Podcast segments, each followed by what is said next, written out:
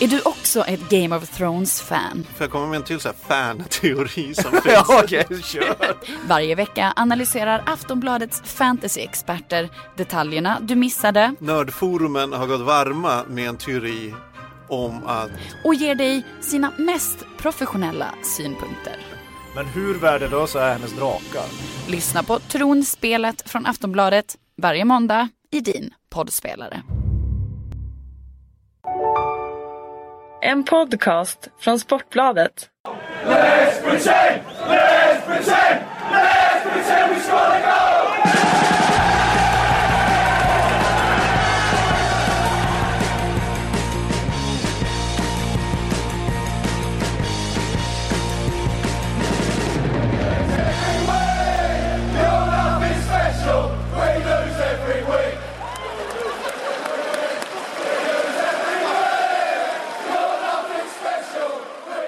Hej och välkomna ska ni då vara till Sportbladets Premier League-podd. Det är onsdag, det är en sån här kort vecka och då blir det onsdagsinspelning helt enkelt för imorgon är det röd dag och då får man inte jobba. Säger facket ifrån, eller hur? Erik Niva och Patrik Sjögren som sitter med mig här. Erik Niva sitter och applåderar sig själv detta nu om ni undrar vad det är som låter. Jag sitter och applåderar facket. Ja, det är det du gör. Ja, det gör du rätt i. The Union Forever. Verkligen. Det stämmer jag in i. Eh, det är inte speciellt svårt att veta vart vi ska börja den här, eh, det här avsnittet. Det har ju hänt någonting som jag är rätt övertygad om ingen utav er har upplevt i de, under de åren som ni har följt eh, den engelska ligafotbollen. En mer osannolik eh, ligasegrare har vi ju aldrig sett. Nej, det har vi inte. Vare sig i Premier League eller i den engelska fotbollshistorien eller i den europeiska fotbollshistorien eller i den globala fotbollshistorien. Jag vet ju såklart att det finns andra kandidater och jag vet att det finns gott om människor som menar att det Nottingham Forest gjorde i slutet av 70-talet var större. Att det Ipswich Town lyckades med i början av 60-talet var mer häpnadsväckande.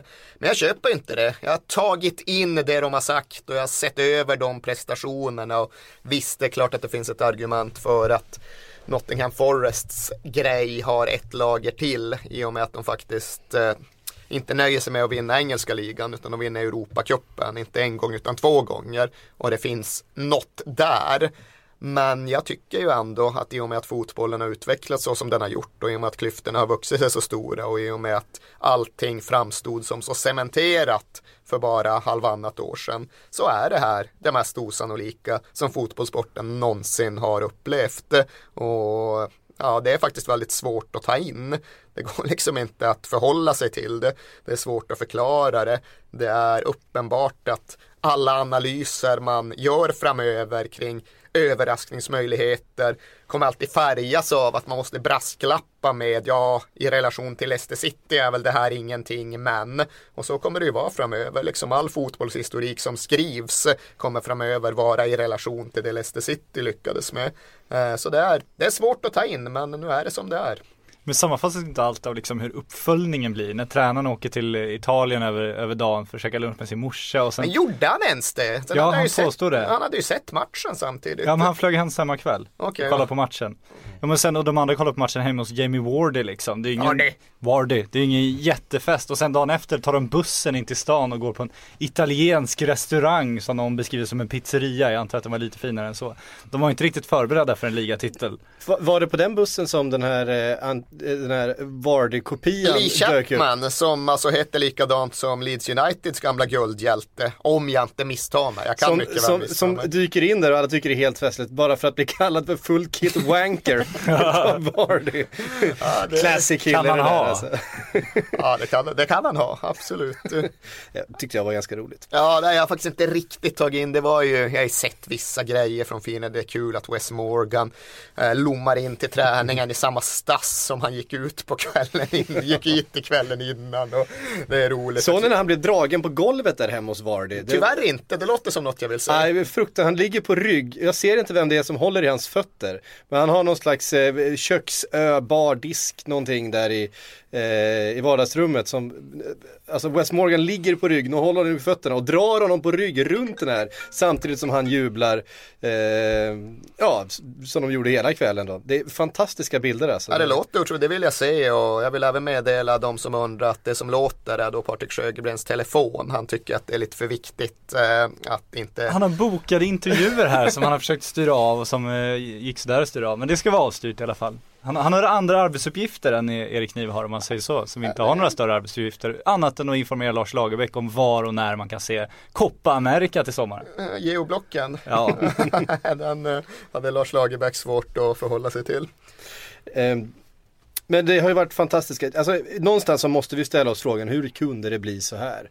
Om vi, om vi försöker analysera det som Leicester har gjort den här säsongen, för att det, jag menar det är 38, nu är det 36 spelade omgångar. Eh, och eh, de är redan kla- klara och det här är ju liksom inga tillfälligheter som gör att man kan ta en sån här titel över så lång tid. Alltså det är en prestation som sträcker sig, eh, vad blir det, åtta månader. Eh, alltså turelementet blir ju så eh, extremt litet. Ja det existerar ju knappt. Det har nästan ingenting med tur att göra. Det är klart att det har funnits enskilda matcher där bollar har studsat rätt men så är det ju. Och man så har haft tur med ju. skador liksom. Ja, och i vilken utsträckning det är tur kan man också diskutera liksom. Men precis som du säger, turelementet finns alltid med men det är ju väldigt underordnat. Eh, och det här är ju en frågeställning man har återvänt till och därför känns det lite som att man upprepar sig. Men min bild av det hela är ju att det såklart är väldigt lätt att vara konkret och peka på det Leicester City har rent spelmässigt. De har några offensiva spetsspelare som har eh, eh, hittat väldigt rätt den här säsongen. Jamie Vardy, Riyad Mahrez framförallt naturligtvis. De har en otrolig defensiv stabilitet med hela laget men kanske framförallt med ja, en Golo Kanté som skyddar Hutto Morgan som skyddar Kasper Schmeichel. Eh, så visst, det är klart att det finns de huvudingredienserna men det är ju inte förklaringen i mina ögon. Det är inte det som särskiljer Leicester City från andra skickliga Premier League-lag utan det är ju de här mycket mer diffusa, mycket mer svårpreciserade värdena. Det är laganda, sammanhållning, Shining, hunger, shining. revanschlusta. Allt det där, ja, men allt det där också som gör fotbollen till världens mest intressanta sport. För den X-faktorn är inte lika stor, stark och utslagsgivande som den är i någon annan sport. I fotboll är det där alltjämt det som skiljer vinnare från förlorare på ett väldigt tydligt sätt. Och det går inte att kvantifiera. Det går inte att säga exakt hur man skapar det. Det går inte att köpa sig till i någon högre utsträckning. Och det är ju både fantastiskt och förtröstansfullt. Många har försökt lista ut hur, hur det egentligen hänger ihop.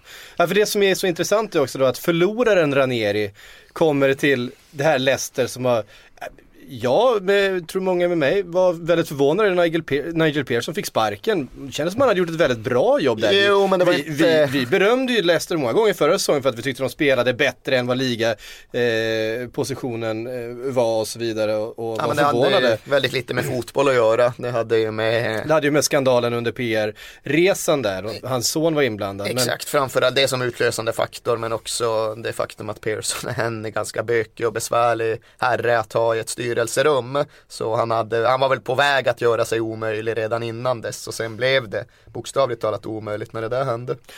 Skönt det måste vara att ha en Ranieri som kommer in och är så otroligt behaglig och eh, verkar vara världens lättaste människa att ha att göra med. Han, eh, det kanske är det, det kanske ligger någonting där. Det gör det. Att, att, att Det eh, spelarna har haft en ganska eh, ska man säga, lågt i tak, eh, känt att det varit en ganska jobbig situation och kommer in en, en så extremt mild och lugn och positiv eh, röst som eh, Ranieri så, och det får den här effekten.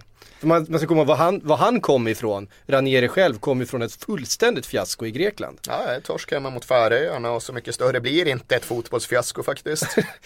Det är eh, hyfsat år han har haft ändå i, i, när det gäller ytterligheter. Det går upp och det går ner. Säga. Vad säger det här om, om fotbollens utveckling då? För nu såg vi ett Atletico Madrid igår som liksom på ett, utan att dra några andra jämförelser, på ett liknande sätt handlar mycket om defensiv stabilitet. Alla ska göra sitt defensiva jobb och sen ska man ligga på kontring, vilket ju Leicester har gjort hela året. De beskrev själva nu i slutet att det blir svårare och svårare att kontra eftersom de andra föll tillbaka.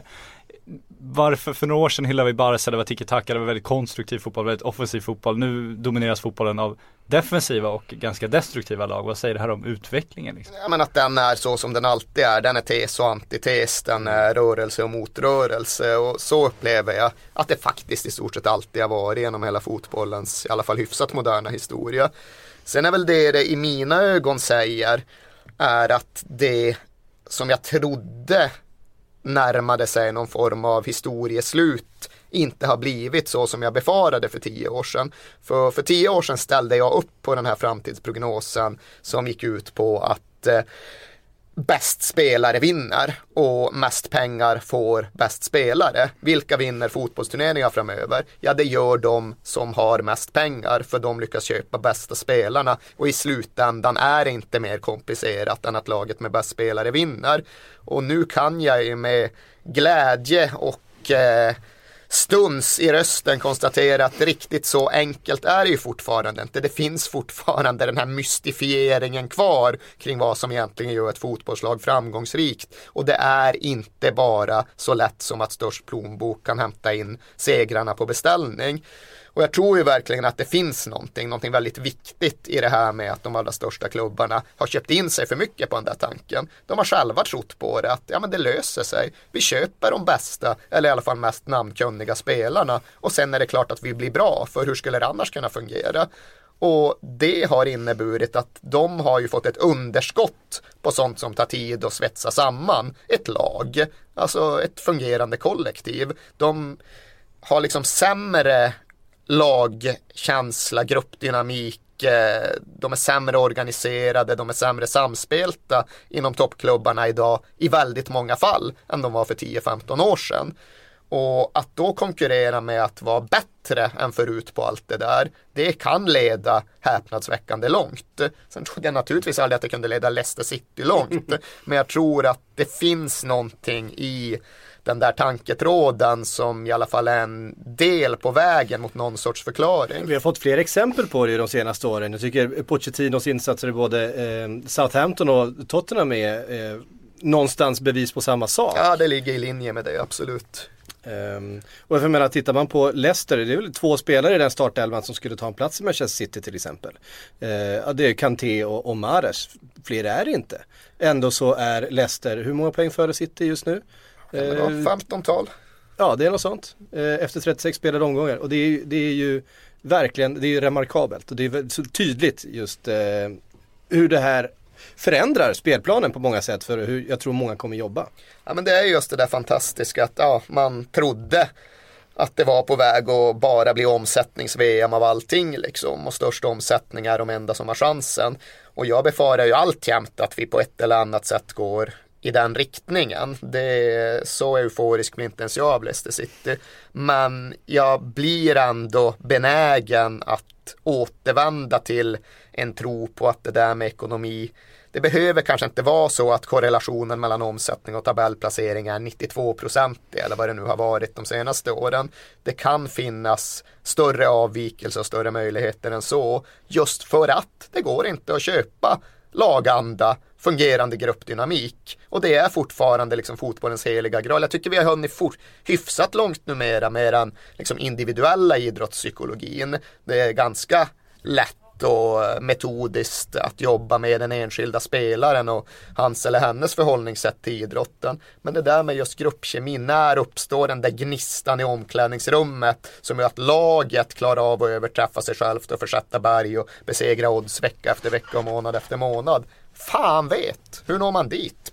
Ingen aning. Och fråga det är ingen Håkan, annan heller. Du får fråga Håkan Eriksson, han har lyckats ju förra Ja, det har jag verkligen gjort. Jag har suttit alldeles för länge med Håkan Eriksson och pratat om de här sakerna. Men grejen är ju den att han är ju väldigt ödmjuk inför det faktum att när han ser tillbaks på allt de gjorde kan ju det kanske framstå som facit. Men det finns ingenting som säger att om de gör precis samma sak nästa vända igen så funkar det lika bra. Det finns ingenting som säger att inte magin och bubblan runt Ranieris Leicester är bruten nästa säsong. För allt det där är också ja, men färskvaror som måste uppdateras och som inte går att uppdatera utan det förändras och så blir någon jävel mätt och någon jävel blir trött och någon jävel flyttar till en annan klubb och sen är magin bruten och sen får man mm. börja om. Och det, det, är så svåråtkomligt det där och det är en jävla tur för annars hade mm. fotbollen varit precis så förutsägbar som den ibland riskerar att bli.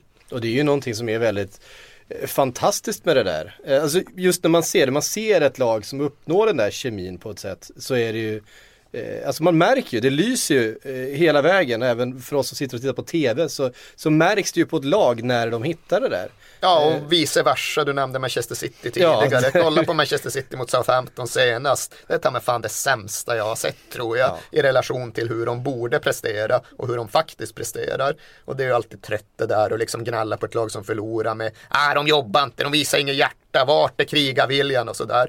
Nej, i det här fallet är det fullt berättigat för de sket ju i det. Alla utom Ianacho struntar ju totalt i det. Och så illa kan det bli när allt det där inte finns. Och så stor kan kontrasten bli i jämförelse med stället där det existerar. Men vad ska Leicester göra nu då? För nu pratar man om att det, det är värt Vad ska Leicester göra nu? Ja men det är värt vadå, två miljarder beräknar någon och spelartruppen ökar så mycket. Men de kommer ju behöva förhandla om varenda jävla kontrakt för alla kommer ju kräva högre lön. De kommer ju få betala mer pengar för den kvaliteten som kanske inte är så stor utan eftersom det är ju inte spelarkvaliteten individuellt som gjort dem framgångsrika. Det är vi väl överens om. Danny Simpson ska ha högre lön, det är klart han ska. Alla ska ha högre lön. att han är en av, en av de första in på kontoret. Han framstår som en kille som vill ha högre lön. Jag tror också det. Ja men alla kommer ju vilja ha det liksom. Ja. Och så, hur ska de omsätta det här i någonting som blir långsiktigt? Finns, känns det som det finns en risk att de liksom måste köpa tillbaka sin egen trupp nu samtidigt som de tappar sina bästa spelare? Jo, och det är ju givetvis en jävla svår balansgång och jag tror inte det finns något riktigt bra svar på det. Beroende lite på vad man tror sig kunna uträtta. Jag tror ju att det, Ska till Champions League, de är ju första sidare nästa år. ja exakt ska vinna ligan igen, ska bli Exakt. Nottingham Forest just. Precis. Nej men jag tror ju att vägen att gå såklart är bygga ut arenan, satsa på eh, att eh, få en bättre ungdomsakademi, Gud, lansera svar, sig alltså. själv globalt. Jag vet, astråkiga svar eftersom att Silly Season Sjögren vill att vi kan mig sätta snurr på tombolan Nej, och plocka in namn, inte. namn, Nej, namn. men jag, nej det tänker jag inte. Jag tänker snarare hur man ska förvalta den där lagandan eftersom det är den som är så värdefull. Hur man ska förhålla sig till den Ja, med tanke på de enorma resurserna man får. Det där är ju liksom också en sak att det finns ganska mycket skrivet om och det finns ganska mycket dokumentation kring hur serievinnare har lyckats. Och man kommer alltid tillbaka till det här med Alex Ferguson och hur han lyckades få folk att glömma en titel samma minut som bucklan var lyft. Sen var det bara fokus på nästa på nästa och han liksom hade ju sin sektsituation där folk som Ryan Giggs och alla de verkligen fungerade så. Skett ju totalt innan de hade vunnit en liga men satt och liksom ältade en förlust hela sommaren lång tills det var dags att spela igen. Och på så sätt lyckades ju de just bli serievinnare.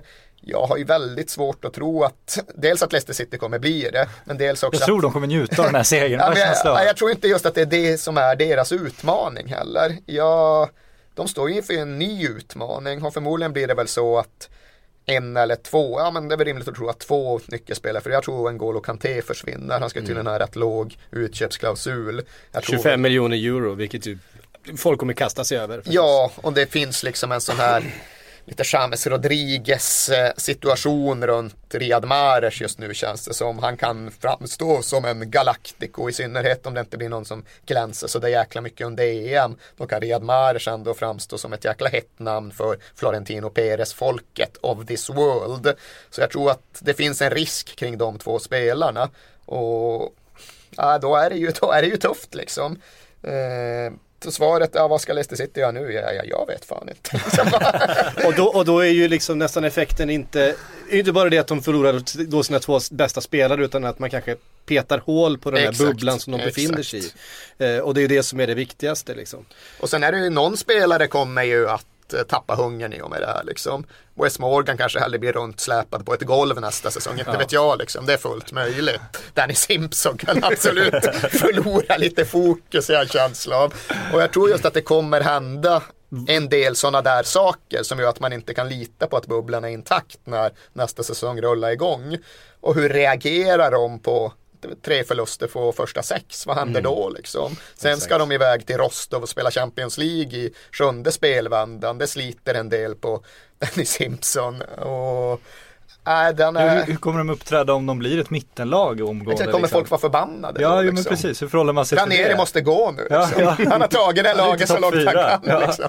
Nej, det, det är jättesvårt att sia i, i och med att det här är en så unik situation. Vi har aldrig upplevt en skräll likt Leicesters tidigare. Därför kan vi såklart inte heller sitta och säga att vi anar hur det kommer gå nästa säsong. Det är ju obruten mark, det är ju outforskade, ett outforskat läge för alla. Så ja, här, här får jag vara så ödmjuk som Patrik Sjögren tycker att jag inte kan vara och bara erkänna att jag fan ingen aning om hur det går för Leicester, vad Leicester borde göra, vad som kommer hända med Leicester. Det är, ja, Fast det är nästan mer intressant nästa säsong nu än det varit intressant att se dem vinna kan jag tycka på ett ja, sätt. den tanken hann man ju någonstans ändå vänja sig Ja. vid. Liksom. Nej, men just att det känns fullt möjligt att Leicester City kommer på 14 plats nästa säsong. Det känns också fullt möjligt att de kommer fyra. Ja. Det känns orimligt att tro att de vinner och det skulle ju vara rätt chockartat om de skulle åka ur det första de gjorde. Men liksom allt mellan, ja men säg 15 Jag såg att jag, oddset plats. var lägre på att de vinner nästa år än att de åker ur. Det hade inte jag ställt upp på. Nej. Jag kan också, jag kan snarare se dem åka ur Ja. alla dagar i veckan och vinna igen.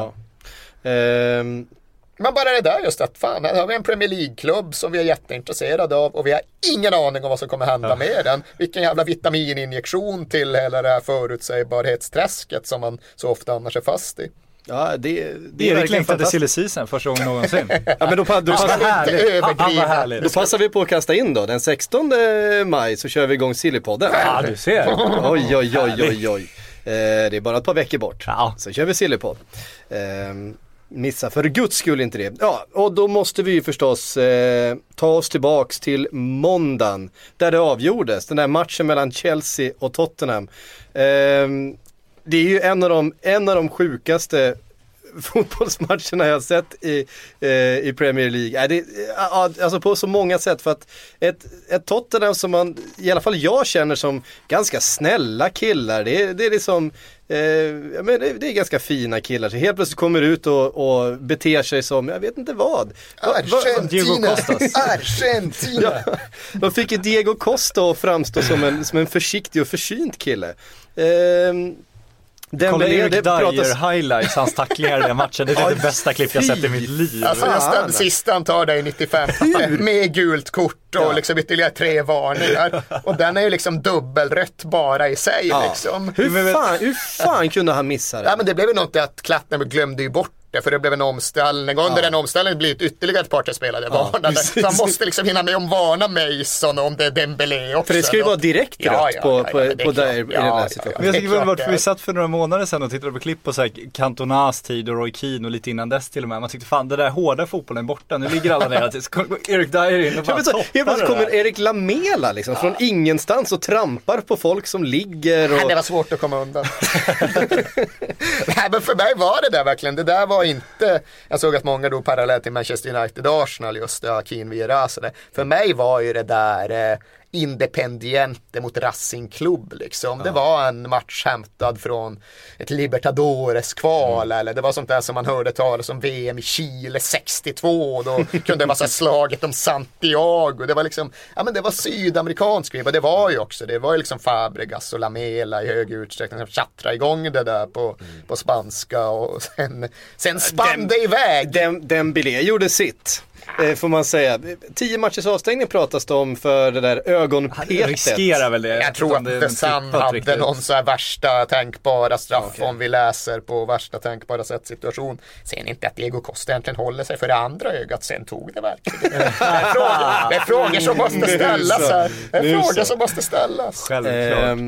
Och Danny Rose, eh, många Chelsea-supportrar vill ju få det till att det eh, var han som eh, eh, knuffade Gus Hiddink eh, Alltså, jag ska erkänna i, att på jag väg ut i spelargången där. Jag har liksom inte JFK-studerat de där filmerna. Den vinkel jag har sett är det helt omöjligt att urskilja något. Där uppfattar jag det bara som att det är en massa stök, det är kroppar i rörelse. Hiddink kom in i utkanten av det och liksom påverkas av eh, just massrörelsen snarare än att det är någon som aktivt knuffar honom. Där kan jag ha fel, jag har ingen jävla aning. Men så Jag, såg jag är med Erik, jag har studerat det här ett tiotal gånger och jag är helt med dig på det här. Ja, det känns ja, som, ja, han ramlar, ja, vem, vem är närmsta Tottenham-spelare? Ja det är han, nu jävlar! Ja lite, men det är mest bara Jag en massa också- gubbar i overaller Ja, som man inte har en exakt. aning om Jag undrar också hur Form hamnade mitt i allt det där också.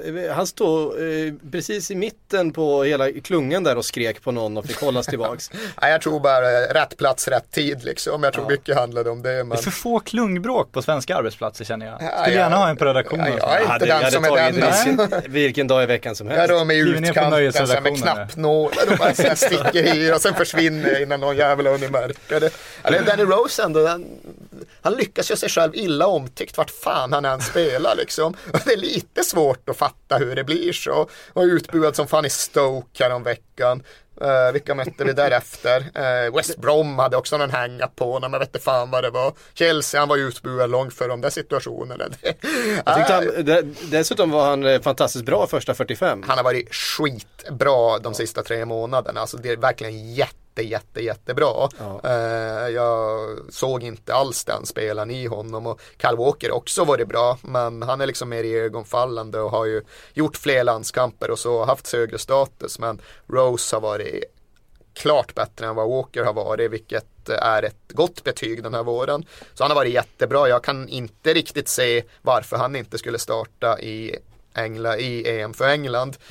Det tror jag han gör. Leighton Baines hit och Ryan Bertrand dit. Nej, jag tycker att så som Danny Rose har spelat den här våren så är han klart bättre än vad någon av dem har varit. Ja, har precis. De har ju inte gjort sina bästa säsonger i karriären heller. Ja, framförallt Eh, inte Baines. Bertrand har ju lite så smyg i skymundan för att mm. Southampton har ingen spotlight på Nej. sig liksom. Men Men Erik, nu när ni liksom slår United och ni slår City och ni slår Arsenal och ni slår alla andra och så liksom, ni har klarat av alla de här jättarna, ni är före dem, ni har äntligen lyckats med det här lagbygget.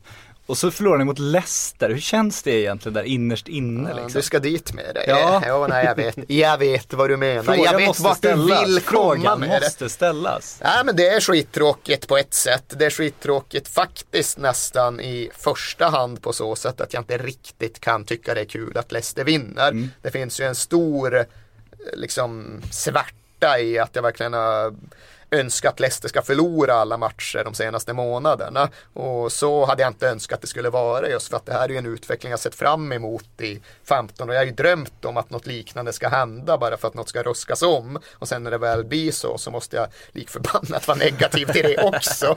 Så det är ju deppigt. Sen är ju det det är som jag liksom inte riktigt fattar att alla andra upp uppfattat så annorlunda. Att det har ju aldrig under den här säsongen funnits ett läge där det har varit troligt eller ens rimligt att Tottenham faktiskt ska vinna ligan. Hade det varit så att vi hade legat 3-4 poäng före eller ens på samma poäng under någon längre tid och sen fallit ifrån, då hade det gjort jävligt mycket ondare än så som det har varit nu. Att Leicester alltid har legat 5 till 7 poäng egentligen före och att Spurs har legat på typ samma poäng som Arsenal och Man City ett tack ner. Kanske ibland med nosen före sådär som gjort att folk har uppfattat det som att ja, det är Spurs som jagar. Men i min värld har det alltid varit väldigt långt upp till Leicester. Väldigt osannolikt att de helt plötsligt bara ska förlora på ett sätt som de aldrig tidigare har gjort. Och att vi bara ska gå rent.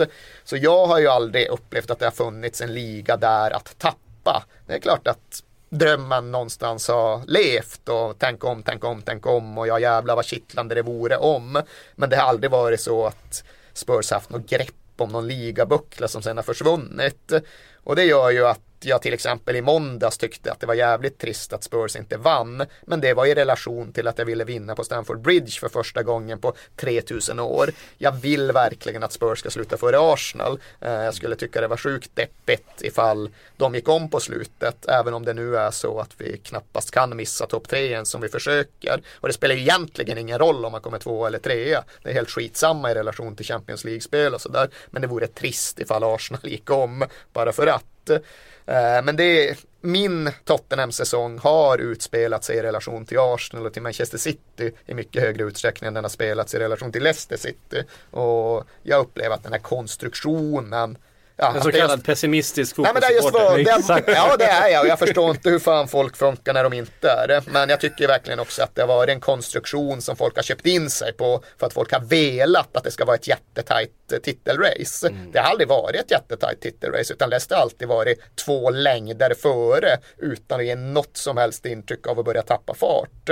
Så spänningen har överdramatiserats. Folk har köpt in sig på det för att de vill att det ska vara Det superspännande. har också varit det som har funnits att hänga upp någonting Exakt, på. exakt. Eh, jag, jag blev ju lite besviken att, att Tottenham, för jag hade ju velat att det, hade, att det skulle leva lite Ja, längre. du ville ha den där spänningen, jag vill, som man jag, såklart vill. Jag ville ju ha liksom. Ja, spä- absolut. Jag var ju också ganska övertygad om att Leicester skulle ta det till slut. Eh, inte minst så är jag övertygad om att de tar tre poäng mot Everton i, så som lagen eh, ser ut i, i ja. dagsläget. Nu så, vette fan för att vara bakfulla Ja, nu, nej, nu vet jag. liksom. men, men om de fortfarande haft en titel att, spe, Ja, spela om. Absolut. Eh, jag menar nu kommer ju Jamie Vardy lukta sprit på vägen dit. Alltså det kommer liksom. vara brittiska segerfester, det kan man ju slå vad om. Det är väl som de flög väl till Köpenhamn i vintras som skulle ha sin Ja, julfest. en av få klubbar liksom. som fortfarande har det. Har klivit sig till Turtles. Så att det säger ju vart nivån kommer ligga på det här spektaklet. Danny Drinkwater summerade ju, Drinkwater. ja, nej, men han summerade ju skillnaden mellan Leicester City och andra klubbar högst upp i fotbollsaristokratin på ett kärnfullt och effektivt sätt. Well, I don't think that Cristiano Ronaldo can dress as a turtle, but we can. True. ja, det, det Det är säger helt något. sant. Ja, verkligen. Det där är lite grann som när David Moyes inte hade förstått den här skillnaden mellan de stora klubbarna och de, de ganska stora klubbarna när han tog över Manchester United och tog med på träningsläger i Australien var det va? Han tog med hela startelvan ner på stranden för, att, för en liten skön morgongymnastik och promenad och det är bara, vad fan, här kommer Manchester United, varenda jävel känner ju igen de här. Och Wayne Rooney och liksom, ö, folk bara strömmade dit, fick ju ingenting gjort. Det var stå och signera autografer hela förmiddagen och så var det träningspasset borta. Ja, man vet ju fortfarande. Det är ju Det hade ju inte verkligen- hänt med Everton. Ja, David Moyes ställer ju aldrig upp på de där historierna om att han eh, hänvisar, ja liksom sa åt Rio Ferdinand, fan kan du inte göra lite som Phil Jagielka hade gjort liksom.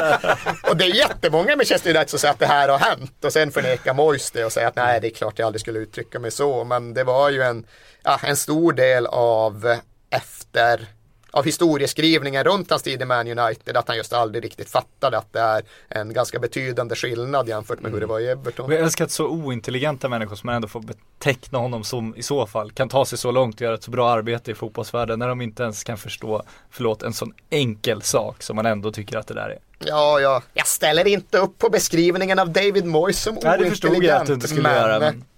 Ja. Could he dress up as a turtle? Eh, Det tror jag faktiskt. Ja, det, skulle jag. Till skillnad från Rio Ferdinand. Ja, jo, där. Ja men där är ju skillnaden. Den stora tränaren mindre stu- Pep Guardiola, Turtle. No turtle. No, no, no, no turtle. David Moyes, Turtle. Yes Turtle. Big Sam. Big Sam. jag tror inte kostymen passar. Men... Ja, det, är, ju- det, det är en bild. Den Ja, får det är vi försöka bild. lösa. Sen är Eh. Rafa Benitez någonstans där i mellanlandet. Han kan, han kan eventuellt vara en Turtle. Ra- Rafa Benitez i en turtle-kostym överhuvudtaget, det är ju, Kan hända. det är ju drömmen. Ja, ja, jag utesluter inget. Nej, eh, får det segwaya över oss då lite? För det hände ju faktiskt någonting i botten på tabellen också. Om vi eh, nu har korat Leicester som eh, segrare eh, säsongen 2015-16 så tog väl Newcastle en litet, litet, litet, litet grepp i alla fall om den där eh, platsen att hänga kvar i Premier League efter de slog eh, Crystal Palace med 1-0 efter ett eh, klassmål av Townsend. Ja, som han gör, den effektiva Anders Townsend. ja, det var ju Fredrik. Englands bästa vänsterfot var någon som skrev. Ja, det Ja ju, det är ju en överdrift som eh, Han skrev, eller skrev, han hävdade ju själv att eh, när han var utskuffad från A-lagsträningarna med Spurs så stod han och nötte frisparkar i sin ensamhet och isolation på träningsanläggningen och att det på så sätt fanns en koppling. Oj, nu har han övervunnit den här prövningen på ett konstruktivt sätt och här fick han belöningen och kvittot. Ja, ja visst, jag gillar ju fortfarande Andrews Townsend så jag hoppas det går bra för Du vill honom. att Tottenham ska hyllas för det här alltså? Ja, jävla Townsends egen starka Ja. drivkraft. Formad i Tottenham. Formad i. Tottenham. Men det var ju kul att se Johan Kabay verkligen liksom försöka missa en straff mot sitt Newcastle. Nej, jag vet inte fan, det är klart att ja, professionell och vill man verkligen missa så slår man den fem meter över. Men jag tror att Johan Kabay kan slå en bättre straff än sådär, om jag uttrycker mig så. På tal om hyfsade fötter, Ja, så, jo, eh, så finns det en på honom. Eh, Men jag håller väl med om att ja, nu fick faktiskt Newcastle på något sätt ett litet grepp, mycket tack vare att de har kvar att möta Aston Villa. Precis. Just att få tre poäng till skänks i en bortamatch i det här skedet av säsongen, det är ju så jävla mycket värt. För Men nu gör du ju det här naiva misstaget att tro att Newcastle, att det finns någon slags logik i Alltså, det är deras ju- matcher. det Ja men det finns en logik i Aston Villa som är överordnad Ja, det alla andra. fan om den är överordnad. Jag den- tror det. den Bristen på logik i Newcastle. Alltså när, när de tappade eh, den matchen senast Aston Villa, det var, liksom, det, var det, det var det absolut sista de hade av någon sorts tåga kvar i någon kropp där. Alltså när, när, när den poängen blev till noll, eh, då tog väl alla semester. En, enda jag vet att under mina typ 10 år som jag sporadiskt lämnat in något stryktips ibland så vägrar jag delta när Newcastle finns på kupongen. För att det finns liksom ingen, det finns ingen poäng i att tippa på dem. Då kan jag köpa en trisslott. Då tippar jag hellre på eh, Kalle Karlssons Karlberg som dök upp på Europatipset igår. Jag noterade det, vad fan är frågan om? Real Madrid och Karlbergs BK. Ja, det är fint folk. Ja, vad härligt. Could you dress up as a turtle? Nej, det skulle han fan inte kunna. Då är han en storlagstränare Ja, alltså. så är det, Ja. så är det. Ja, Kalle Karlsson hade inte klätt ut sig till, till, Nej. till Turtle. Det hade han Storlagstränare. absolut. Storlagstränare. Storlagstränare. Men hade han vunnit Premier League med Leicester? Nej, det hade han inte. Ranieri hade ju varit turtle alla dagar. Ja, Men han skiter i vilket liksom. Så är det. Ehm, Ja herregud vilket, vilket uppsving Ranieri har fått. Ja, Eh, jo, det... Eh, Inte minst gillar man ju lite grann att Mourinho får äta upp sina loser-ord om Ranieri som han har eh, faktiskt stämplat på honom. Det är ju Mourinho som har satt den där, stämplat Ranieri som loser. Ja, han har gjort I någon- det i någon med störst stämpel. Det är ju ganska många som, det är ganska svårt att bortse från det faktum att han har Att han tränat storlag i hundratusen år och ändå aldrig riktigt vunnit något verkligt stort. Men det var ju Mourinho när han var som, som både bäst och sämst liksom. När han just höll på att vässa mot Ranieri och liksom, ja men han är en förlorare och kommer alltid vara en förlorare. Går inte att lära om sig så här sent, vad fan han är 75 år, det är klart att det inte funkar liksom. Och då är Ranieri typ så här 59. liksom. Det är så, så jävla, eh, o- Han är ju en mobbare, Mourinho, det är utan tvekan. Synd Eh, att han gör så få presskonferenser just nu. Alltså. Ja, jo, där, de saknar man ju. Ja, det sant. Vad säger ni i Silly Season-podden? Blir det Man United eller inte? det där är ju, Det det, de måste ju flytta svårt, på van alltså. Gaal, måste de inte det? Alltså, han, han, han var väl ute och skulle ha två år till va? Alltså mitt intryck är verkligen att både van Gaal och Mourinho tror, Tror att de ska ha Man. United nästa säsong. Och de briefar på så sätt liksom när deras folk yttrar sig så gör de det utifrån en tro, en övertygelse om att båda har det här jobbet. Och sen är just frågan vem då, vem som i så fall är lurad och förd bakom ljuset. Jag tror det är lättare att i nuläget blåsa van det och blåsa Mourinho rent så här statusmässigt. Det finns väl en större, ett större skäl till att blåsa van Gaal också. Du har egentligen ingen poäng i att blåsa Mourinho om du nu vill sitta kvar med van Gaal. Ja, det är kul att blåsa Mourinho. Ja, Det finns ju också den här situationen att Alltså, as a laugh liksom. absolut. Det finns ju också den här eh, situationen att det kan ju faktiskt vara så att ju bättre van Gaal lyckas med slutet på den här säsongen desto troligare är det att Mourinho tar över. Eh, för det kan ju faktiskt vara så att Mourinho inte vill ta över ett Manchester United som inte spelar Champions League. Ehm, och, att, och att om, om van Gaal då löser den här fjärde platsen som han då i sin egen värld säkert tror Ja. ger honom ett nytt kontrakt, i själva verket är det som ger eh, ett godkännande från Mourinho att. Jag skulle mycket väl kunna tänka mig att det är så att det har liksom formulerats under krismånader så att ja men vad fan det här går inte så bra som vi har tänkt oss Louis men liksom, nu får vi kalibrera om målen. Så kan vi ändå ta en titel och kan vi ta en Champions League-plats då blir det en helt okej säsong. Och så någonstans bara, ja, men det är klart som fan han inte lyckas med det liksom. Nu får vi ändå lov att liksom smida planer för nästa säsong. Eh, och nu är vi långt in i Silly Season-podden som vi ska akta oss för så vi stannar där. Eh, kommer återkomma till den den 16 maj. Precis. Hey, I'm Ryan Reynolds. At Mint Mobile, we like to do the opposite of what Big Wireless does. They charge you a lot, we charge you a little. So naturally, when they announced they'd be raising their prices due to inflation, we decided to deflate our prices due to not hating you. That's right. We're cutting the price of Mint Unlimited from $30 a month to just $15 a month. Give it a try at mintmobile.com slash switch. $45 upfront for three months plus taxes and fees. Promo rate for new customers for limited time. Unlimited more than 40 gigabytes per month. Slows. Full terms at mintmobile.com. Verkligen. Du, vi har en eh, legendar den här veckan också. Och det är inte vem som helst. Det är Erik Nivas första, Erik Nivas första idol. Ja, det är korrekt. Ledley King. headset. Nej, det var min andra. Ja. Gary Lineker, kanske den, den mest profilstarka spelaren någonsin från Leicester. Ja, det, får vi det väl får man säga, Beroende lite på vad man lägger ifrån Leicester. Var Peter Shilton från Leicester? Eh, Bra fråga, det är, det är före min tid. Ja, jo, nej, det gör ju absolut var Peter Shilton. Men jag tror inte det. Jag tror att Peter Shilton var, om han kom från Stoke rent utav. Nej, han är fan från Leicester. Ja, det, det var Ja. kanske en onödig reservation. det kan, det kan man väl kanske. Eventuellt.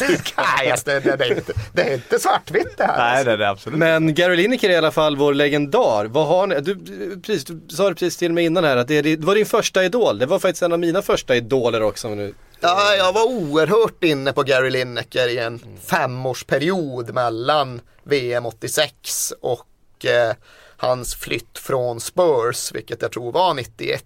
Och grejen där var ju att jag höll på Spurs och jag höll på Gary Lineker oberoende av varandra egentligen och sen råkade det sammanfalla men det var absolut inte så att jag började idolisera Lineker när han kom till Tottenham utan jag hade verkligen haft honom som min stora poster på pojkrumsväggen kille under flera års tid framför det. Och jag vet fan varför. VM 86 var ju mitt första stora mästerskap som jag verkligen gick in i. Höll hårt på England. Gary Lineker räddade England. Blev skyttekung. Sånt var jävligt viktigt för en när man var sex år gammal. Vem gjorde flest mål? Lineker. Ja, då är han bäst liksom.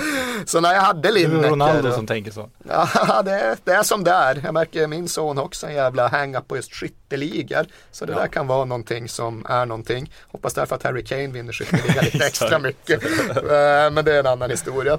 Nej men jag var till och med, jag har till och med gamla Barcelona-tröjor hemma. Och det är ju sånt där som man egentligen skäms för att säga. För man fan har Barcelona-tröjor. Jo jag har det för att det är nummer 10 Lineker på någon här 80-tals pirattröjor. Eh, så jag var extremt inne på honom. Och fick ju med åren upp en förståelse för både hans förtjänster men framförallt hans brister. För han var ju bara, som du träffande och fyndigt formulerade, a fox in the box. Oj, oj, Han var ju ingen spelare. Han var bara egentligen en avslutare. Han hade ju liksom ingen styrka. Han var ganska snabb men inte skitsnabb. Ingen teknik, inget skott. Jag kommer ihåg när England fick Mycket tåfjuttar. Ja, mycket den typen av avslut. När England fick straff mot Kamerun i VM 90, då var jag fantastiskt engagerad i både England och Gary Lineker. Jag var så jävla nervös när han skulle skjuta den där straffen att jag liksom på allvar oroade mig för att han inte skulle komma fram till målet. för jag hade byggt upp det så att han sköt så jävla dåligt. Och riktigt så illa var det ju inte. Men han gjorde typ ett mål utanför straffområdet i hela sin karriär och det var på Old Trafford mot Man United borta. Jävligt snyggt, skruva upp den i bortre sådär. Men annars var det ju bara en straffområdesspelare. Och det har ju tagit ytterligare några år att fatta hantverket bakom det. Hur oerhört skicklig han var i framförallt sitt rörelsemönster och sitt en-touch-avslutspel. Och ska jag summera Gary Lineker så gör jag det genom att använda hans egna ord för det är såklart de bästa. Han sa någon gång innan han blev det här liksom allsmäktiga tv-ankaret utan bara var någon vanlig form av tv-analytiker så pratade han om det här med eh, boxspel och hur man ska uppträda som anfallare och sa det att han fick alltid genom hela sin karriär när han stod och petade in returer höra där var Gary Lineker bra på att vara eh, på rätt plats i rätt ögonblick, right place, right time. Och Gary Lineker så skakar på huvudet, men det missförståndet här är att det inte är så det är. Det är right place all the time. Han gör alltid den där ganska osynliga löpningen mot första stolpen varje gång ytten har bollen och rör sig ner mot kortlinjen. Nio gånger av tio så kommer inte bollen, men han har varit på rätt plats. Den tionde så kommer faktiskt bollen och då stöter han bara in den i mer eller mindre tomt mål och folk konstaterar, ja fan, rätt plats, rätt tid. Nej, han var där hela jävla tiden och det var väldigt mycket grejen med Lineker. Han hade alltid förmågan att göra exakt rätt löpning, rätt rörelse in i straffområde och sen var han jäkligt kall och skicklig i avsluten också.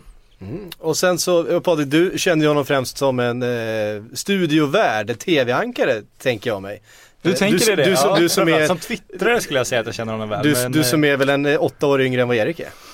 Minst skulle jag säga utan att veta hur gammal Erik är. Men jag ser väl med Erik som tanke på- 45-50 någonting. Så att, Med eh, tanke på hur oerfaren du är så tror jag också att det är det absolut lägsta åldersbandet som skiljer oss. herregud. Även jag klev in VM 94 är ju mitt eh, första VM vid medvetande så att säga. Det är ju mina första fotbollsminnen så. så att Gary Lineker har gått mig förbi, men jag hade ett fotbollskort som jag fick någon gång på den tiden med Gary Lineker som jag, och ett med David Platt som jag höll väldigt kärt, jag vet inte varför. Men sen köper jag Eriks beskrivning för att mina favoritspelare när jag var yngre var Alan Shearer och eh, Filippo Inzaghi av någon anledning och det går väl att säga att de är väl minst sagt liknande typer. Ja, framförallt Inzaghi egentligen. Lineker var någon form av engelsk Inzaghi. Han hade ingen styrka som ju var en stor del av Shearers grej. Eh, Men visst, det går att dra paralleller däremellan. Fastnade också för skytteliga-tabeller tror jag. Ja, det finns något. Det finns något starkt i dem, det gör det. Ja men det var ju så, alltså när jag, just där runt VM 90, eh, jag som är då mittemellan er. Eh, när jag, eh, då, då var det liksom, eh, men det var två spelare som dominerade på grusplanen där hemma som man skulle vara. Det var ju Lineker och van Basten. Ändå lite weird att ni så här skiter i Maradona. Nej, Liksom. Maradona var helt, helt iskall eh, i det gänget. Vad det säger det om Västervik? Och, och, ja det, De gillade inte Maradona som förebild bara, det var hans levnadsvanor vid sidan Patrik Syk och hans pretentiösa kompisar valde att ta avstånd ifrån. Ingen aning. Men det var ju också en Maradona grej. var det faktiskt inte. Okej, men det kan man ju väga in med Lineker att det var ju en stor del av eh, grejen med honom var ju att han var en sån jävla gentleman, liksom den gamla engelska stilen. Han fick ju aldrig ett enda gult kort i hela sin karriär och var alltid liksom så här väldigt artig och Jävla trevlig. tönt, ja, det är ju det som Ja. var grejen. När man närmade sig tonåren så blev det jävligt ocoolt Ja, att hålla på. Gary Lineker. Då ville man vara Maradona snarare än Lineker bortanför Västervik. Och det där han jag väl vara brottas med lite grann. Jag hann ju uppfatta att det var ocoolt med Gary Lineker trots att det såklart fortfarande var min kille. Men han drog ju då från England, jag tror det var 91. Jag är alltså 12 då och han sticker till, Eh, 91. ja, vart, när han drar från Spurs och England, vart flyttar han? Bra fråga. Bra ju. Du låtsas ju inte ens. Liksom. Nej, nej, jag har gett upp det här. Jag har ju suttit, och- tycker jag, jag, har ju- jag har ju suttit och googlat honom innan det här, men det här glömde jag ju titta. Jag försöker gå tillbaks i huvudet så jag får snappa ihop det här, men det gjorde jag inte. Han dog till det Nagoya Grampus 8. Det Som var därför jag inte noterade det. Just det. Ja, det borde du Ja, fan i mig ha. Det blev ju sen Arsène Wengers eh, trampolin in i toppfotbollen och är numera kanske mest känt här över som Robin Simovic eh, nya klubb. Nagoya. Grampus 8. Ja, Simovic drog väl lite av andra anledningar kan man säga. Men det är en annan det historia. är en annan historia, mycket riktigt, apropå levnadsvanor och sådär. Men sen är ju Lineker, och jag antar att det kanske är därför du tar upp honom den här veckan, just så jävla starkt förknippad med Leicester. Ja. Och det är inte bara han, utan det är ju hela hans familj som inte bara har varit starkt förknippad med fotbollsklubben, utan har alltså en närvaro i stan. Det är ju alltid så Jävla tönt. som sagt. Han är sån som går på styrelsemöten i föreningen. Ja, men så Han fort någon som- människa genom åren, nu är det inte riktigt så den här vändan, men tidigare om någon någonsin har haft en anledning att åka till Leicester av fot, i fotbollssammanhang så är ju det här, ja, men hur ska vi få lite miljö från Leicester? Då går de ner till torgmarknaden, torghandeln, för där har fortfarande familjen Lineker sitt grönsaksstånd. Det har för då funnits i generationer. Sen var det väl Garys brorsa som bröt sig ur grönsaksbranschen, öppnade den här jävla barkedjan Lineker som alla fyllon på Magaluf alltid går till. det är en delvis annan historia. Men det är också grejen nu med när de vinner titeln, att liksom Linekers farsa tydligen så här riktigt 80-årig jävla tjurgubbe som på något sätt också har lurats in på Twitter, sitter där med liksom dåligt grammatiserad engelska och liksom well, after 70 years of rubbish at least I can have some enjoyment. De gruffar liksom. Ja, för det man får känslan av just med Gary, eh, han utstrålar inte den här typiska arbetarklass eh, eh, attityden som man får från de flesta engelska Nej. fotbollsspelarna. här. Ja, men om vi tar Jamie Vardy igen som ganska urtypen. Ja, men han har suttit på kåken för att han spöt på någon utanför en pub. Liksom. Ja, det är sånt som händer. Det var för att de retade hans polare va? Ja, ja, ja. ja, ja. Då är det okej. Nej, och- Eller, eller om någon sätter på Phil Collins. Ja men då ska man ha det. Eller, eller vä- vägrar sätta på Phil Collins. Eller är det någon utbytesstudent i stan, då jävlar. ja, ja. Nej men det är helt Det där giltigt. skulle Gary aldrig göra. Lineker har ju en private school-aura, Ja, jävligt precis. tydligt liksom. Men ja, som sagt, hans familj, hans släkt är grönsakshandlare, så jag vet inte fan Mm. Nej. riktigt hur det blev så. Men det är ju så, det är det också som har gjort honom till ett så välpolerat och rumsrent tv-ansikte. Mm. För Jamie Vardy kommer inte hosta Match of the Day om 25 år. Så det kan han inte göra. Eh, Ja, det, och kanske ska han göra det i bara kalsongerna. Ja det ska han väl göra till och med. Första programmet nästa säsong är det väl sagt. Han hävdar ju för sig att någon så jävla brynja tillhör, nu jävlar. Eh, att någon jävla brynja tillhör underklädeskollektionen. Jag vet inte om han kommer undan med det. Han kommer få ligga hårt på gymmet sommar tror jag. Sen kommer nog brynjan avgöra hur bra det går där. Ja, nu håller de han håller på att försöka hitta en BBC-statut och värja sig bakom just att de ska gå in och stoppa honom. Det tycker jag ju vore kanon. En tönt som sagt. Tveklöst en tönt, men som Claudio Ranieri har lärt oss, ibland så är det de snälla killarna som vinner till Ja, slut. nice guys don't always finish last. Exakt, sometimes they finish second, som Claudio Ranieri brukade säga. Eh, vad bra. Ja, det var Gary Lineker det. Du, vi måste ju också nämna att Burnley är helt klara för Premier League nästa säsong. Grattis Burnley! Grattis Burnley. Apropå att spöa utbytesstudenter.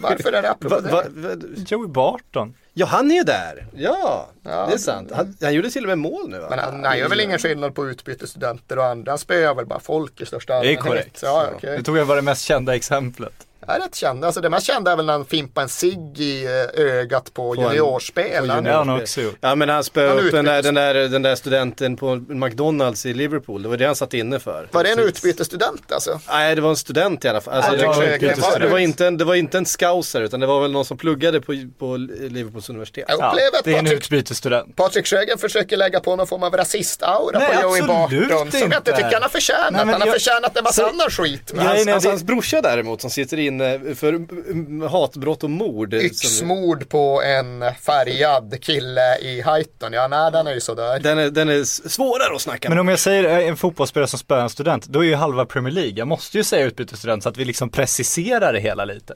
Det är så det är. Du har målat in det i ett hörn. Nej men Burnley gillar man ju som fan. Mycket för att de har verkligen vågat vara tråkiga de senaste åren. De gick upp i Premier League, de värvade inte ett skit. De körde samma 11, 38 matcher i Åkte ut så det rad. visslade om det. Tog pengarna och stack och ner i andra divisionen och så gör de samma sak igen. Samma jävla elva, alla matcher. Förvisso då med Joey Barton som ja, lite kontroversiellt nytillskott. Och så har de också tagit in den här jättegangstern Andrew Gray på topp eh, som inte känns Burnley rent eh, ideologiskt. Men nu är han där och nu gör han en jävla massa mål med sina gamla knivar på halsen och allt vad det är. Och det blir ju också en, en sorts tillskott till Premier League nästa säsong. Han sitter och googlar så jävla frenetiskt. Utbytesstudenter. Du försöker komma ut ur hörnet. Så är det. Jag tror att just utbytet eh, måste, måste inte det vara gränsöverskridande? Om jag går från lärosätet i Leeds till lärosätet i Liverpool, är jag då en utbytesstudent? Ja, Självklart inte. definitivt. Självklart Alla, alla inte, som säger Patrik går över gränsen till Liverpool utan att vara hemma där, det är någon slags utbyte. Scouse Republic liksom, Så de har egna pass. Exakt. Visserligen så är ju We're Not English We're Scouts. Ja, no, så det de finns väl en, eh, finns väl en liten. Det säljs ju bokstavligt talat Scouse passports nere i Albert Dock liksom. Ja, jag säger inte att jag har rätt, men det har jag. Vad, vad ger ni för Joey Bartons kommande självbiografi då? Oh, den kan ju bli precis hur jävla bra som Han helst. skrivit den med Michael Calvin som är hur jävla bra som helst. En av dem som ligger bakom de absolut, några av de absolut bästa fotbollsböckerna som har kommit från Storbritannien de senaste tio åren. Någon av Wayne Rooneys 12 självbiografier. Ja, de inte fan vem som har skrivit men äh, han har varit inblandad i en bok om tränarnas utsatta situation nu senast. Innan dess var det den gamla skolans scouter och krocken mellan dem och liksom Moneyball-tänket. Dessförinnan var det en väldigt närgången och finstämd skildring av livet med Millwall. Ja, Så du hör ju själv. Fin skildring om Millwall, det är svårt att få ihop en, en och samma mening. Det var nog första gången. Ja, den boken kan jag passa på att rekommendera till alla. Family heter den, en av de bästa fotbollsböckerna som har skrivits de senaste tio åren. Fick vi det sagt. Spelar George Boyd kvar i Burnley? Långhåriga, Ja. alltså de... De har spelar väl samma lag, Ja, de har inte haft någon omsättning. De har tagit in Barton och så den här Andrew Gray som ju har vräkt in en massa mål. Men annars är det så vitt jag vet i stort sett samma gäng. Mm. De blev ju av med Trippi på, ja det var, jag vet inte om det var bra eller vad det var, men något var det. Ehm, han är från Chatham nämligen, det var därför jag har lite koll på honom. Det är för att jag firade min 18-årsdag väldigt nära där han kommer ifrån. Du har Så jag varit- liksom så här, eh, Ska vi- någonstans noterat att han, att han är från det området där jag Ska vi in på den där diskussionen om huruvida vi befann oss i London samtidigt när du blev 18 och Spurs vann ligacupen 99. Vi har nämligen haft den vid några tillfällen tidigare. Och det är ett väldigt hett ämne bland allmänheten det här. Det är någonting alla gått och funderat på i åratal Ni kan faktiskt. använda den etablerade hashtaggen. Ja. Den heter, ja precis. På tal om hashtags. Eh, Backfetton fick eh, viss snurr på sociala medier. Okej. Eh, definiera viss. Den existerade. Det Den var dök tre, upp. tre personer. Plus Jag, minus. jag tror det var plus tre personer. Okej. Eh, Deltog Erik Niva det här killen som vägrade retweeta och be om frågor till podden? Ja, vad fan, man måste välja sina strider. Däremot, Ska du få skit också? Men det mest fantastiska i det här var ju, var ju ett mail vi fick, tycker jag, från en, eh, en spelare som, från en spelare, från en, en lyssnare som heter Ronny Sandahl, som också är, är vår kollega. Ja, det är han och ja, prisbelönt filmregissör numera, manusförfattare och därtill Håller på att fila på en eh, film om eh, Björn Borg. Jaha, se på fan, det visste jag inte. Det var säkert hemligt så Ja, jag är glad att du berättade det. Eh, det hoppas jag inte. Måste bara passa på att säga för att det är så bisarrt. Det har väl i och för sig kommit till någon form av allmän medial kännedom. Men Ronny Sandahl som ju alltså döpte sin son till Harry Kane. Ja. Trots att han inte har någon relation till Spurs. Han håller på QPR. Och trots att Harry Kane i det här skedet knappt hade gjort en minut i A-laget. Han tyckte bara det var ett fint namn. Ja, det var, det var ju någon sån här Håkan Hellström-koppling också. Sådär. Uh, uh, Bruce Springsteen va? Ja, Harry eh, Kane. Ja, men Harry Kane Gilbert tror jag var Jaha, referensen som i någon mån aktiverade familjen Sandahl också. Men det var ändå, det vägdes in att det fanns en, av, en ung avbytare som inte upplevdes som särskilt lovande i Tottenham. Det var ändå en del av att den här parven fick namnet Harry Kane. Stackarn. Sen var det ju verkligen så att från den punkten, det var då han exploderade. Sen kom han in och bara öste in mål. Så jag vet inte vilken utsträckning vi ska tacka Ronny Sandahl för den här utvecklingen. Och Det är riskfyllt det där att döpa sina barn i fotboll. Det gäller ju att de har en Gary Lineker-aura då och inte en, eh, en annan typ av aura så att det kommer fram grejer lite senare kanske. Var väl den diskussionen som aldrig riktigt slutade eka här i Stockholm när Sebastian Egoren gick till AIK och folk minns han hade döpt sina barn efter honom nere i söderort. Och vad innebar detta för förpliktelser? Spelade han en säsong i Bayern? Två? Egoren? Ja, han blev ju en ikon i Bayern i alla fall. Det blev han väl inte riktigt i AIK kan man väl säga. Nej. Sen är det kanske lite lättare att komma undan med att Sebastian kan anspela på vad fan som helst på ett sätt som Harry Kane kanske inte riktigt kan. Alltså, och det, han heter ju Harry Kane i, som ett dubbelnamn, i, i, två förnamn. Ja, det är väl Harry kanske hans tilltalsnamn till och med. Och Kane är ett av mellannamnen. Jag ska inte svära på detta, men jag tror det är så. Eh, Våra hur som helst, Sandal till ända nu tyvärr. Nej, jag har med där. Ja, bra. Återkom. det han i alla fall lanserade, det han ville att vi skulle diskutera var potentiella eh, backfetton. Ja, just det, han lanserade Danny Rose. ja. Och där tyckte jag blev en ganska intressant, vem, vem har en, vem har en tjockis-aura utan att vara det just nu? Ehm, De latenta de tjockisarna. latenta tjockisarna. jag ser inte riktigt i Danny Leighton- Rose, men Ronny Leighton- kände ju starkt för detta. Så. Jag ser mer typ en Leighton Baines. Ehm, han, han är ju pubfet inom 5-6 år. Ja, man kommer samtidigt ha hår kvar. Och det gör att han Ja, inte kommer, kommer se lika tjock ut.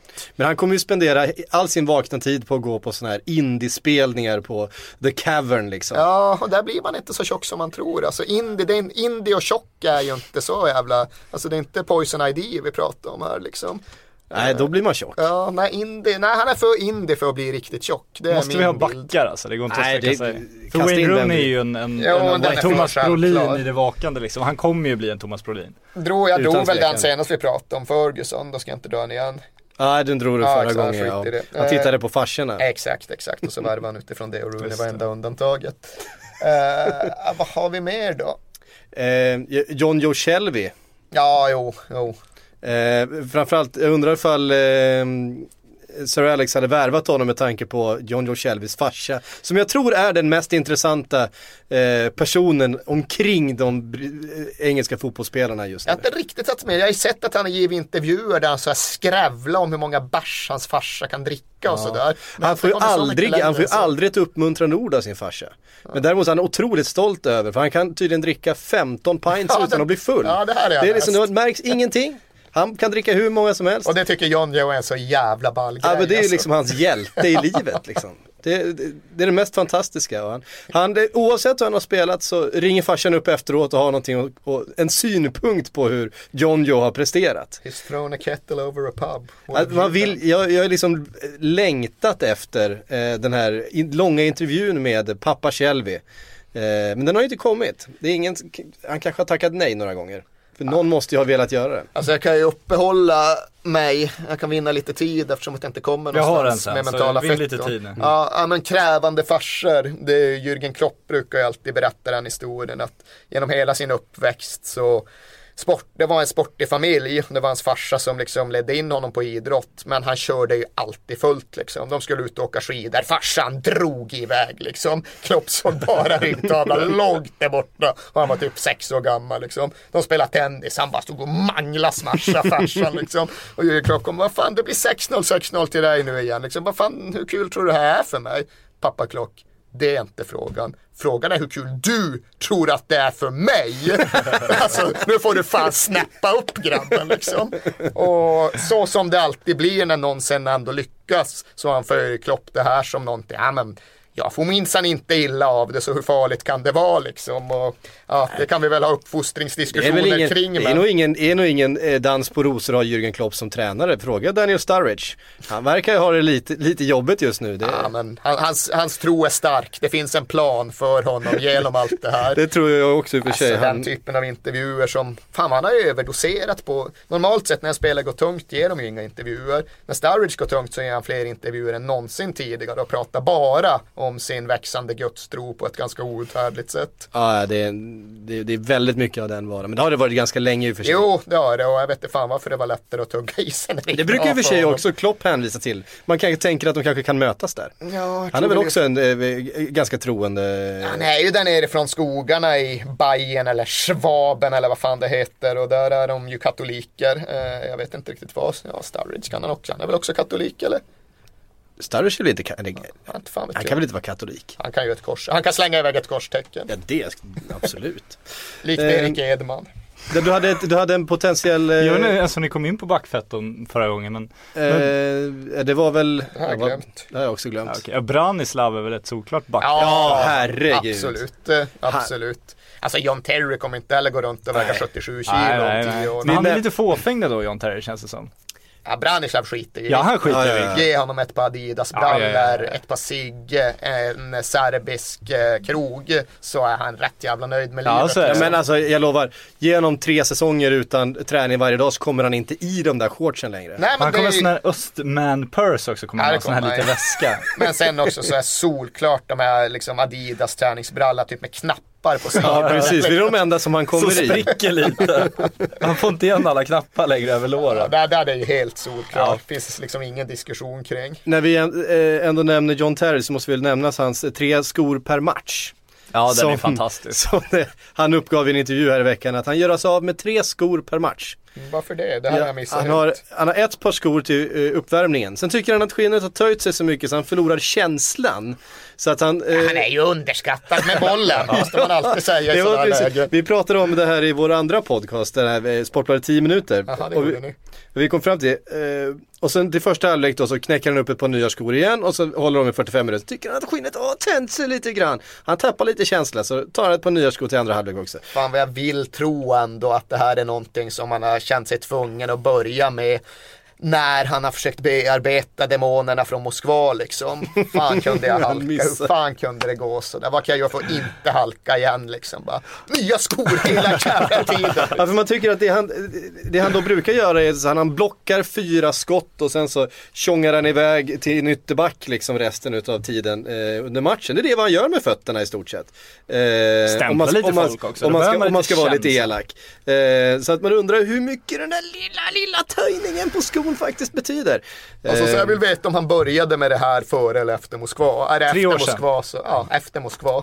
Då kan man ju dress it up uh, whichever way he pleases. Men då är det ju det traumat som på något sätt lever i. Och, Ja men, men, men då kan jag säga en grej till. Topp tre dåliga fötter i, i eh, engelsk fotboll. Topp tre, jävlar det kom från Ja ingenstans. absolut. Det- Jag gillar att överrumpla lite grann. Ja. Dåliga fötter. Alltså James Collins har väl inte skitbra fötter kan jag känna spontant. Nej, det, tror, det har han inte. Eh, han har många andra fördelar. Ja, han har några andra fördelar. ja, sant. Han har Eh, definition av rödbrusig. Finns alldeles för få rödbrusiga spelare. Hur är Andy Carrolls fötter? Ja men han kan ju ändå dundra Jo, in någon men de är konstspark helt okej. och så- Han kan ju skjuta hårt i alla och fall. skjuta? Ja. Ja men det är ändå någon form Ja, av. Ja. fotanvändning. Ja, Eh, Jag tror ju att det är i backlinjen vi måste jobba här. Du får tänka jag vilka målvakter- målvakter- målvakter de är räknas ju ju bra nu. Nej målvakter kan inte Ja, men de har ju räknas. blivit bra nu också. De ska ju ha bra fötter helt plötsligt. Backarna skiter man ju fortfarande i. Ja, nej, det var, jag vet, jag tror vi pratade lite om det igår när det var Champions League, just att det är något uppfriskande med Diego Godin, att han är bästa backen i världen än att vara bästa backen i världen. Hans Mm. uppspelsfot skiter man ju totalt i liksom. Och det är ganska välgörande att tänka så kring en försvarare. hade vi gått tillbaka ett par säsonger så hade ju en sån som Jamie Carragher varit eh, ett namn för en sån här lista. Han hade ju inte mycket till fötter. Ah, Jag tycker inte han är så usel med fötterna. Eh, han var rätt, rätt då. Alltså det var heller inget, han, han ställdes inte på så många tekniska prov.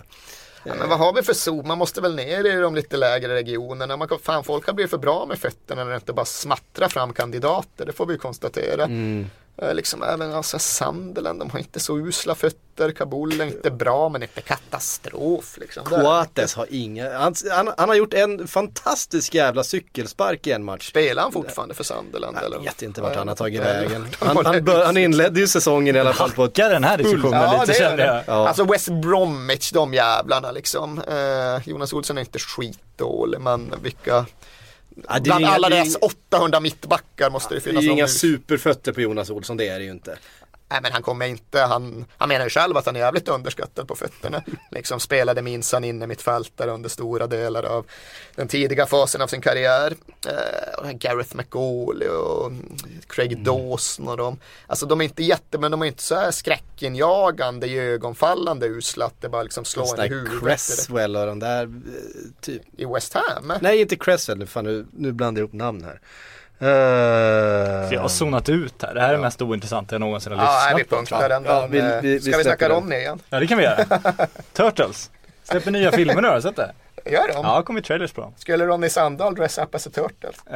det tror jag. Tror du det? Nej, tror du det? Ja, Han har ju haft så här regissörs-scarves i tidigare faser av sitt liv i alla fall. Och då, jo men det, ja, jag vill ju tro att han skulle må bra av det. För det är väldigt lätt att ta sig själv för, på för stort allvar i liksom, filmbranschen. Så han skulle behöva en turtle-vända med Danny Drinkwater. det tror Det här är jag. en uppmaning. Ja det är det. Verkligen. Vi har några frågor vi kastar in då. Eh, för att nu har ja, klockan dragit iväg här verkligen. Vi ham hamnade med dåliga stark sista fötter. kvart. Ehm, och vi ehm, Ja men vi var inne på det här lite grann förut, vi är från eh, Merhan Safi från Facebook. Han undrar, tror ni de andra lagen kanske undermedvetet förlorat sina matcher mot Leicester för att Leicester ska vinna ligan? Eh, Alltså, det alltså har det finns- funnits den, det, det elementet eh, i det här? Du var inne på Kabaj här nu eh, mot Newcastle. Jag kan redogöra för att det finns en väldigt stark sådan uppfattning i vissa Tottenham-kretsar. Att every fucking team just rolls over. Jag ställer väl inte upp på det. Okej för att Swansea sket i vilket i den matchen men Swansea har skitit i matcher förr och kommer göra det igen liksom. Eh, jag tycker inte att det har varit så men jag är medveten om att eh, den uppfattningen finns.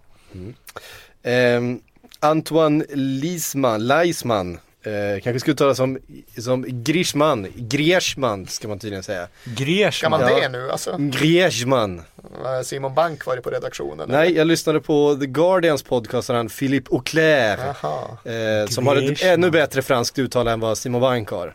Tror det eller ej. Annars är det Eh. jävligt roligt när det kommer importer till engelska ligan och kommentatorerna ska lära sig hur de uttalas och så kollar man alltid, eller kollar man, de kollar ofta då med presscheferna i klubben och de presscheferna skiter ju totalt i vilket liksom.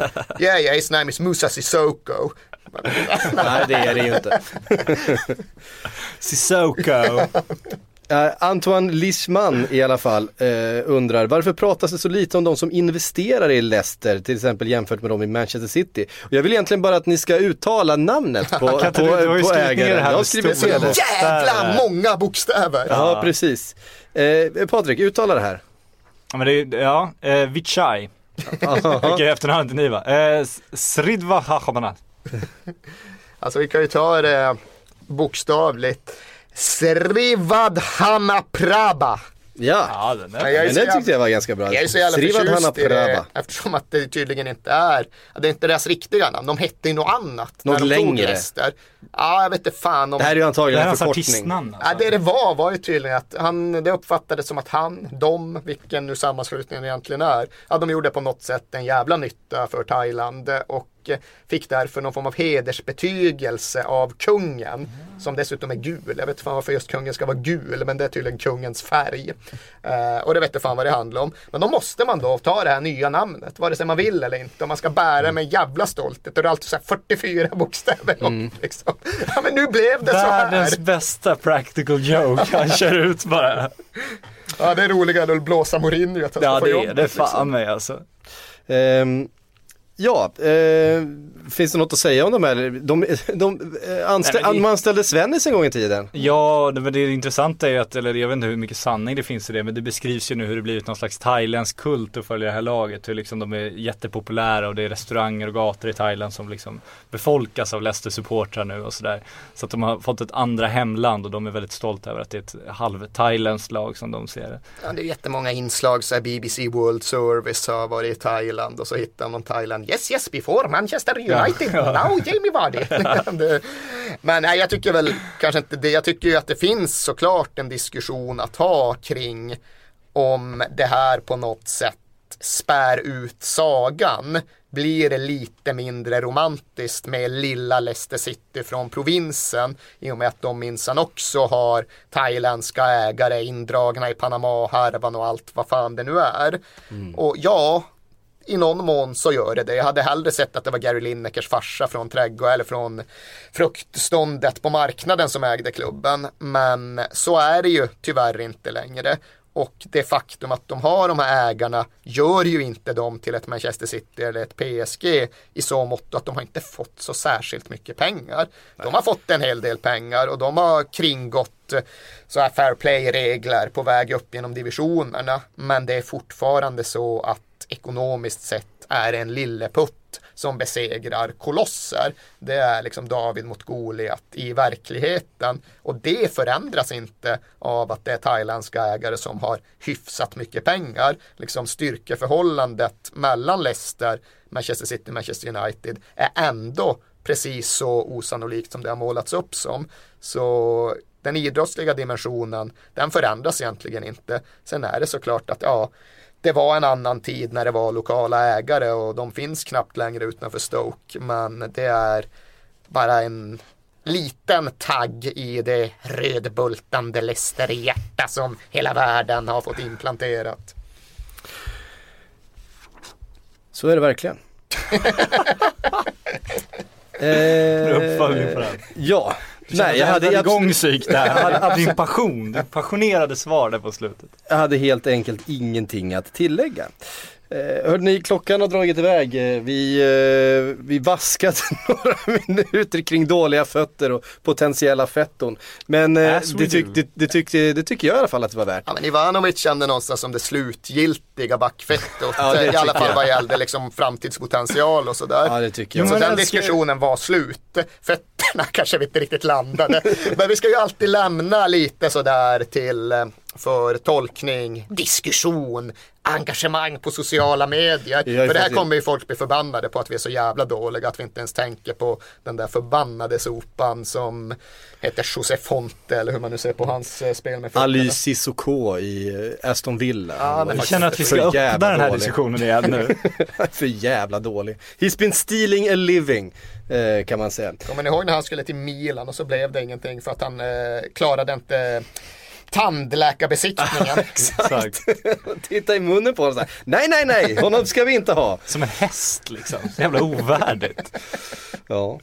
Eh, det glömmer man nästan, men när Liverpool hade sin bästa säsong eh, kanske någonsin de senaste 30 åren så var det faktiskt Alicis och Senaste Ko- 30 åren. Eh, 20 åren, jag som inte kan räkna. Eh, då var det faktiskt han som spelade på eh, vänsterbacken. Ja det glömmer man, det glömmer man. Ja. Men ska, när jag var, vi såg Spurs-Chelsea då, jag med my main Tottenham man och det skakade om mig när jag insåg att jag helt hade glömt bort det faktum att Paul Konchesky spelade som första val i Spurs för, ja, bara sådär tio år sedan. Jag tänkte, fan jag glömt bort bort en ordinarie Tottenham-spelare. Pratade om Paul Konchesket och kom inte ihåg att han hade spelat för Tottenham. Vad fan håller på att hända med mm. ens fotbollshuvud? Ålderns höst. Men Koncheski är en spelare som man gärna förtränger. Ja, det må vara hänt liksom. Jag kommer ihåg Ben Thatcher och jag har ingen vilja att ha kvar honom i huvudet. Vi hörs om en vecka igen hörni. Let's pretend! Let's pretend!